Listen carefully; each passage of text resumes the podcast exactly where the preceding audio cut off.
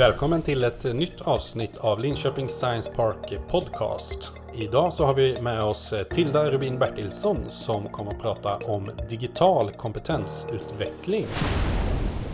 Välkommen till podcasten Tilda. Tack så mycket. Du har gjort praktik i Science Parken de senaste veckorna och skrivit en uppsats om digital kompetensutveckling. Kan du berätta lite om eh, vad det är du har skrivit om? Ja, eh, jag har skrivit en rapport om hur digital kompetensutveckling eh, kan användas och då är det fokus på organisationerna som är kopplade till Linköping Science Park. Och då har jag gjort en enkätundersökning och kollat hur de jobbar idag och hur deras inställning är till digital kompetensutveckling och även kollat på teori kring ämnet.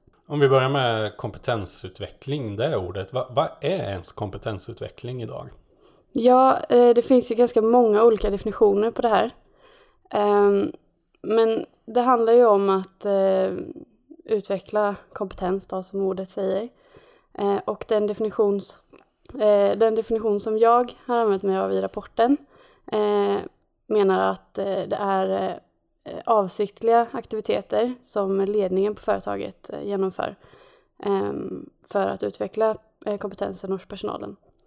Och då kan det vara både formella och informella ehm, aktiviteter, alltså både kurser och att man lär sig av kollegor. Men för att det ska räknas som kompetensutveckling enligt den definitionen så är det avsiktligt och att målet är att man ska lära sig någonting. Är det, är det en fråga idag med kompetensutveckling? I, vi lever ju i en tidevarv där eh, kunskap blir eh, billigare och billigare och mer och mer lättillgänglig för, för fler och fler. Där liksom priset för att eh, lära sig något nytt hela tiden närmar sig, sig noll. Um, jo, det finns ju många fler olika sätt att lära sig idag. Um, och visst, man kan lära sig via Youtube, men jag tror fortfarande att eh, det är viktigt att man tänker på att kompetensutveckla sin personal. Eh, för att kompetens är väldigt viktigt för organisationers, eh, för att de ska kunna utvecklas och framgång. Eh, och sen är det även viktigt för eh, individen, eh, skulle jag säga. Eh, för att i dagens samhälle så blir kompetens mer och mer viktigt eftersom att eh, det är det som efterfrågas mer eh, eftersom att de här mer maskin att stå vid en industri blir mindre och mindre jobb. Hur gick din undersökning eh, till? Ja, eh, jag kollade på eh, teori kring kompetensutveckling och sen kollade jag, försökte jag hitta vetenskaplig teori kring just digital kompetensutveckling. Men det finns inte så jättemycket vetenskapligt just nu kring det. Så jag har kollat mycket på universitetsutbildningar digitalt, för där finns det mer vetenskaplig teori. Och sen så har jag då också gjort en enkätundersökning eh, och skickat ut till eh, de större eh, arbetsgivarna i parken och kollat ja, men vad de har för inställning till just digital kompetensutveckling och hur mycket de jobbar med det idag. Och, så. och vad kom du fram till i, i den delen? Eh, jag kom fram till att många företag jobbar med kompetensutveckling i stor utsträckning och även att det förekommer ganska mycket digital kompetensutveckling eh, redan. Men de har också en väldigt positiv inställning till digital kompetensutveckling eh, och eh, vill jobba mer med det. Ehm, och det är ju en väldigt bra förutsättning för att kunna jobba med det. Ehm, för att det är väldigt viktigt att ledningen tror på den kompetensutveckling man väljer. Mm. Fick du känslan av att man ser eh, digitalisering av kompetensutveckling som, är det, eh, ett, är det ditåt man vill gå? Eh, ja, men ja, jag uppfattar nog lite det i resultatet av enkäten att de var väldigt positiva och det var till och med något företag som inte riktigt såg några nackdelar med digitalt. Och de, de kunde ju se vissa nackdelar när jag frågade eh, vissa företag men de såg väldigt mycket fördelar. Eh, och var väldigt positivt inställda till att jobba mer med digital kompetensutveckling. Mm. Har du några exempel på vad man eh, använder för hur, hur man kompetensutvecklar digitalt idag bland företag? Um, inte något konkret så, men det finns ju mycket kurser man kan gå eh, digitalt. Eh, och sen så kan man ju också välja att man läser artiklar, i också kompetensutveckling. eh, då om ledningen eh, medvetet väljer det. Eh, så mycket artiklar kan man läsa digitalt också. Vi var inne på eh, fördelar och nackdelar med eh, att jobba digitalt jämfört med eh, att med traditionell kompetensutveckling eller traditionella lärandesituationer. Eh, vilka, om vi börjar med utmaningarna som finns, vilka nackdelar har du identifierat? Forskning pratar ganska mycket om det här med att social interaktion eh, blir ganska svårt eh, digitalt. Det blir inte samma. Och det gör det ju väldigt svårt för kompetensutveckling kan ju dels vara att man kompetensutvecklar eh, liksom en praktisk kompetens eller förmåga. Men det kan ju också handla om att man försöker utveckla en grupp. Eh, och det blir ju kanske svårt digitalt då när sociala interaktionen inte blir samma. Eh, så det, den sociala interaktionen är ju eh, lite svår och att det kan också vara svårt att få folk att ändra åsikt kring grejer för att man blir inte lika engagerad. Man kan inte engagera på samma sätt eftersom den sociala interaktionen inte är lika hög. Eh, så upplever många att det är svårare att ta till sig och bli lika engagerad av innehållet. Mm. Man blir inte lika utmanad kanske med nya idéer och som bryts mot varandra. Ja, precis. Det verkar vara lite svårare att få det att fungera digitalt. Kan man tänka sig att det är en viss typ av eh, utbildningar eller kompetensutveckling som passar bättre för i en digitalt sammanhang då? Ja, eh, det jag kom fram till när jag läste mycket forskning var att just när man använder sin kognitiva förmåga, eh, de utbildningarna funkar väldigt bra, om inte till och med bättre, digitalt. Medan då när man ska försöka ändra folks attityder eller att man vill eh, utveckla praktiska eh, kunskaper, att det kan också vara svårare digitalt. Mm. Så ett eh, online-seminarium om hur man eh, kommer igång med Photoshop kan passa bra men ett värdegrundsarbete kan vara lite mer utmanande att driva till exempel. Ja, precis. Eh, det är lite svårare. Det finns ju många bra exempel på, Eh, på bolag som erbjuder digital kompetensutveckling. Till exempel här i parken så har vi ju CI eh, som under många, många år erbjudit ehm, väldigt avancerade tekniska kurser som idag ställer om och erbjuder det här digitalt istället. Och idag med eh, de möjligheter som finns till korttidsarbete till exempel i spåren av coronaviruset så går det att göra överenskommelser kring där man kan använda den tiden eh, till just kompetensutveckling. Det finns alltså möjlighet att få eh, ja, statliga medel får man ju då för eh, att finansiera tid för kompetensutveckling. Eh, och det är, ju, det är ju en fantastisk eh, möjlighet för företag. Och det finns verkligen en, en räcka av kurser som man kan engagera sig i då. Vilka fördelar ser du? Vad är de stora liksom, fördelarna med att eh, ha digital kompetensutveckling? Det är ju i många fall eh, smidigare för deltagarna då man inte behöver resa och även för företaget då att man kanske inte behöver lägga pengar och tid på att resa. Eh, och att man även kan göra det ja, men, på jobbet eller på den plats där man själv känner att man eh, lär sig bra. Så det är mycket mer flexibelt. Sen är det också många som tycker att det är mycket mer bekvämt att föra diskussioner och liknande digitalt. Då man inte behöver sitta i samma rum så folk man pratar med och att alla tittar på en. Mm. Utan vissa personer, kanske med introvert personlighet eller liknande eh, tycker att det är lättare att skriva via tangentbord det man tänker och tycker i diskussionen. Olika former för interaktion passar olika människor olika bra liksom. Precis, så för vissa är det nog lättare att, ha, att lära sig eh, digitalt och för vissa är det lättare att inte lära sig digitalt. Det beror lite på hur man är som person också. Mm. Finns det utmaningar i eh, hur man eh, inkluderar deltagarna i det här? Ehm, och hur man motiverar sig att delta? Eh, ja, ehm, det är ju kanske svårare att se så att alla blir inkluderade när det är digitalt för att det är lätt att man bara sitter och lyssnar och inte deltar i diskussioner och att man kanske inte uppfattar att alla inte deltar på samma sätt, den som leder utbildningen. Ehm, och även motivationen är enligt forskning också lägre oftast vid digitala utbildningar. Ehm, det är, för många människor så är det inte lika motiverande. Sen är det vissa också som blir mer motiverade av eh, digitala för att de kan få bestämma mer själva mm. eh, kring hur de vill lägga upp det. Vilket kan motivera. Men eh, många upplever även en lägre motivation och det krävs ofta högre självdisciplin eh, för att man ska sätta sig ner och ta tag i utbildningen. Mm. Om man tänker organisatoriskt, eh, vad, vad, krävs för att en, eh, det ska vara framgångsrikt för en organisation att använda sig av den här typen av eh, kompetensutveckling? Precis som för all kompetensutveckling så är det väldigt viktigt att man skapar bra förutsättningar för att eh, personalen använder det den lärt sig under utbildningen när den kommer tillbaks i arbetet. Eh, och det är ju inget som gäller då som sagt bara för digital utan det är ungefär samma sätt man ska tänka eh, oavsett eh, kring kompetensutveckling. Och då är det väldigt viktigt att ledningen stöttar och tror på den kompetensutvecklingen och stöttar de idéer som personalen har fått under utbildningen och även ge tid för personen att ja, reflektera kring det den lärt sig och eh, reflektera kring om de testar grejer de har lärt sig, att de får tid att fundera om det fungerar i deras organisation eller inte. Mm.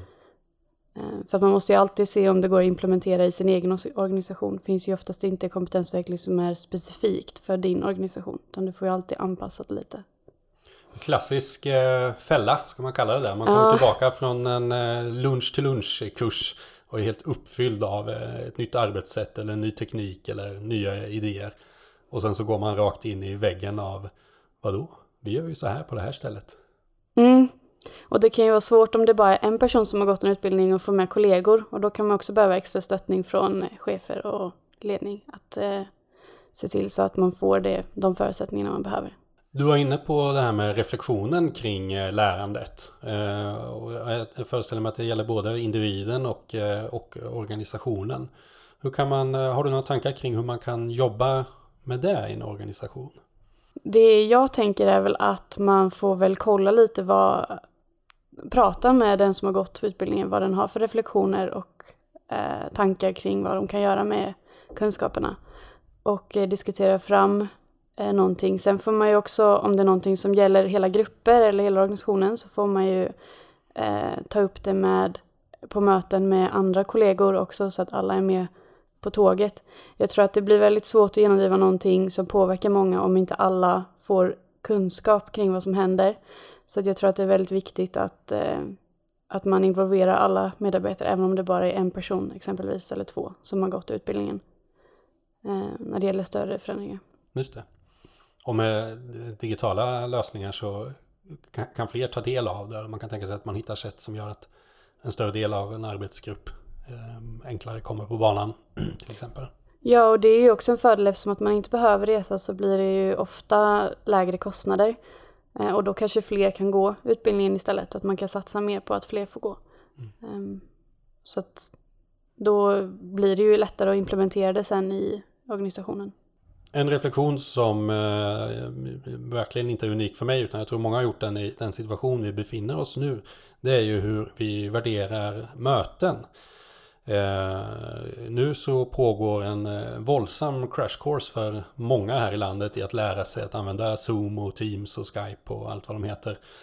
Eh, och verkligen eh, genomföra digitala möten på olika sätt. Eh, och det är verktyg som även kommer till, till användning i digitalt lärande eller i distansbaserat lärande.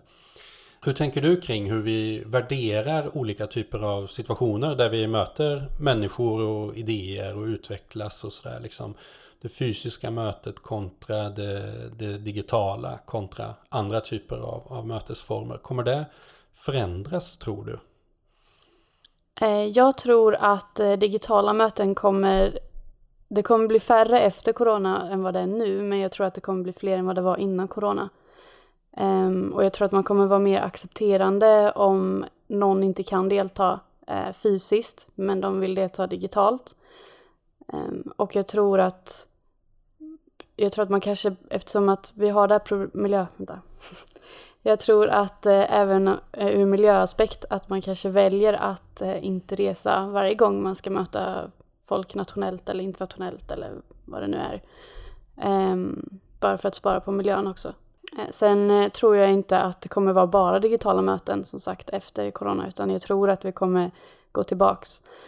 Men så tror jag också att det här med om man vill sitta hemma eller sitta på jobbet kommer att eh, påverka ganska mycket också. Att folk har insett att de kanske hellre sitter hemma och då blir det ju mer digitala möten eh, naturligt i så fall. Om mm. folk sitter hemma och jobbar. Tänker också på det som du var inne på innan med olika typer av, eh, vissa typer av utbildningar lämpar sig bättre att köra digitalt än, än andra. Eh, och, det, och det är kanske samma sak i alla typer av interaktioner och möten egentligen. Att träffas fysiskt, eh, det kanske lämpar sig bättre för eh, ja, men idéutveckling och när man liksom ska stöta och blöta och vara kreativ gemensamt. Medan andra saker kan vara eh, katalogkunskap så att säga kan vara mer eh, anpassad för, för digitala situationer. Mm, ja men det tror jag verkligen. Att eh, möten där man bara ska fatta snabba beslut kanske och sånt. Att det kommer man kunna ta digitalt eh, fortsättningsvis tror jag. Det är mer det här när det behövs en social interaktion som eh, jag tror att det behövs fysiska möten i större utsträckning. Mm. Och det kanske blir eh, den här situationen kanske gör det enklare för oss att identifiera behovet av den där sociala interaktionen. När, när är den komponenten nödvändig så att säga? Ja, jag tror att många har bara tagit för givet att man ska ses fysiskt tidigare, men att man nu kanske får upp ögonen för att det kanske inte är så givet att man alltid ses fysiskt eller i alla typer av möten. Klassisk sägning när man är på möte, om man är missnöjd med mötet, det är ju det här skulle ju lika gärna kunna varit ett e-mail bara. Kanske kommer i framtiden sitta och säga det här kunde ju lika gärna bara varit ett Zoom-möte. Ja, men det är väl en rimlig reflektion skulle jag säga. Du pluggar på Linköpings universitet som eh, sedan en tid befinner sig i distansläge. Alla studenter förväntas eh, plugga eh, hemifrån eller någon annanstans än, än på universitetet. Eh, det är ju en väldigt eh, praktisk erfarenhet av eh, kompetensutveckling kan man ju säga. Och det är ju en avancerad akademisk utbildning du läser. Vad är dina erfarenheter hittills av, att, av universitetsstudier på distans? Jag tycker att det funkar bra ibland och bra inte. Föreläsningar funkar ganska bra, tycker jag. Ehm, och det är nog för att mina föreläsningar är ganska mycket att man använder sin kognitiva förmåga. Um, uh, så det tycker jag fungerar. Sen kan jag tycka typ att så här, handledning från, om man skriver rapport så får man ofta handledning från någon på universitetet. Det är svårt, uh, för att, eller det har varit svårt för vi har mest skrivit på mail då och inte haft så jättemycket diskussioner. Um, och det tycker jag själv personligen har varit lite svårare. Uh, och att just så grupparbete och sånt också när man ska skriva saker ihop kan vara väldigt svårt. Eh, när man vill diskutera innehållet eh, så är det svårt att göra det över, eh, framförallt i skrift då. Men eh, även så kan det vara svårt över Zoom ibland att få till bra diskussioner. Det är också svårt när föreläsare vill ha diskussioner kopplade till föreläsning så kan det också vara lite svårt för att ja, man märker att folk är inte lika villiga att prata för att man vet inte om man ska avbryta någon för man vet inte när någon pratar och man håller på av och på med micken och sådär. Så att eh, det, har varit lite mindre, mindre innehållsrika diskussioner skulle jag säga. Eh, men just att lära sig föreläsningar, alltså kognitiv eh, kognitiv kunskap funkar bra digitalt. Det är i alla fall de upplevelserna jag har haft än så länge av eh, digitalt utbildning. Har du lyckats hålla dig hemma? Eh, ja, inte riktigt kanske. När det gäller grupparbeten så är det ju lite svårt. Så att då har vi väl setts ibland i mindre grupp. Eh, men annars föreläsningarna har jag hemma. Men det är svårt. Jag tycker själv inte att det är lika motiverande att sitta hemma. Eh, och jag tycker att det är, det jag själv tycker är svårt är att det blir ingen riktig skillnad mellan när man är ledig och när man eh, pluggar eller jobbar eller vad man nu gör. Eh, det blir väldigt konstiga pauser, om det ens blir pauser så blir det att man sitter, eller jag sitter väldigt många timmar i rad och så blir jag trött. Och, ja. Så att jag tycker personligen inte att det funkar superbra att sitta och bara plugga hemma. Men jag försöker. Mm. Det, det funkar, men det funkade bättre att sitta i skolan. Jag tänker att vi skulle säga några ord också om eh, den, att vara anställd och vara anställningsbar och det ansvar mm. man har kring, kring det. Som vi var inne på i början så är vi ju i en situation där kunskap hela tiden blir billigare och billigare och mer och mer lättillgänglig. Eh, vilket ansvar har jag som, eh, som anställd att hålla mig anställningsbar egentligen? Alltså jag skulle säga att man har ganska stort ansvar och framförallt för en själv. Eh, för att det blir, man behöver vara mer och mer kompetent på arbetsmarknaden för att man ska få jobb och för att Ja men för att se till så att man är anställningsbar så behöver man hela tiden utveckla sig, eh, skulle jag säga. Eh, det är den eh, riktning som, som jag uppfattar att eh, arbetsmarknaden är på väg eh, nu när jag har läst eh, teorier och sånt kring mm. det. Mm. och att då tror jag även att, att man ska tänka, man ska inte alltid tänka att chefen kanske sätter en på kompetensutveckling för att, att det är tråkigt liksom, utan att man ska även försöka tänka att det är bra oavsett för sig själv. Mm. Det kanske även kan vara bra att man själv väljer att läsa artiklar på egen hand ibland eller andra utbildningsformer. Eh, bara för att se till så att man är eh, attraktiv på arbetsmarknaden. Eh, särskilt nu med corona när det är lite oklart på arbetsmarknaden så kan det ju vara extra bra att se till så att man eh, håller sig attraktiv på arbetsmarknaden. Det börjar bli dags att runda av. Om man eh, skulle vilja komma igång med eh, digital kompetensutveckling i sitt företag. Var ska man börja någonstans? Har du några tre bra tips? Eh, jo, men jag tänker att man får kolla upp vad det finns för eh, alternativ och vad, kolla också vad ens eh, anställda vill ha för typ av kompetensutveckling. Eh, om de vill gå en kurs kanske eller om vad, ja, vad, de, vad de föredrar. Eh, och även då vad det finns för kompetensbehov är ju alltid viktigt vid kompetensutveckling. Det är alltid det man ska kolla först. Det är ju ingen mening att eh, kompetensutveckla någonting som det inte finns ett behov av att använda sig av i eh, organisationen. Och sen så är det även viktigt att eh, se till så att det finns förutsättningar för att kunna implementera kunskapen i organisationen. Eh, att man avsätter tid för reflektion som jag sa tidigare och eh, försöker få med alla på tåget i organisationen. Tilda, stort tack för att du eh, tog dig tid att vara med i våran eh, podcast. Tack så jättemycket för att jag fick komma.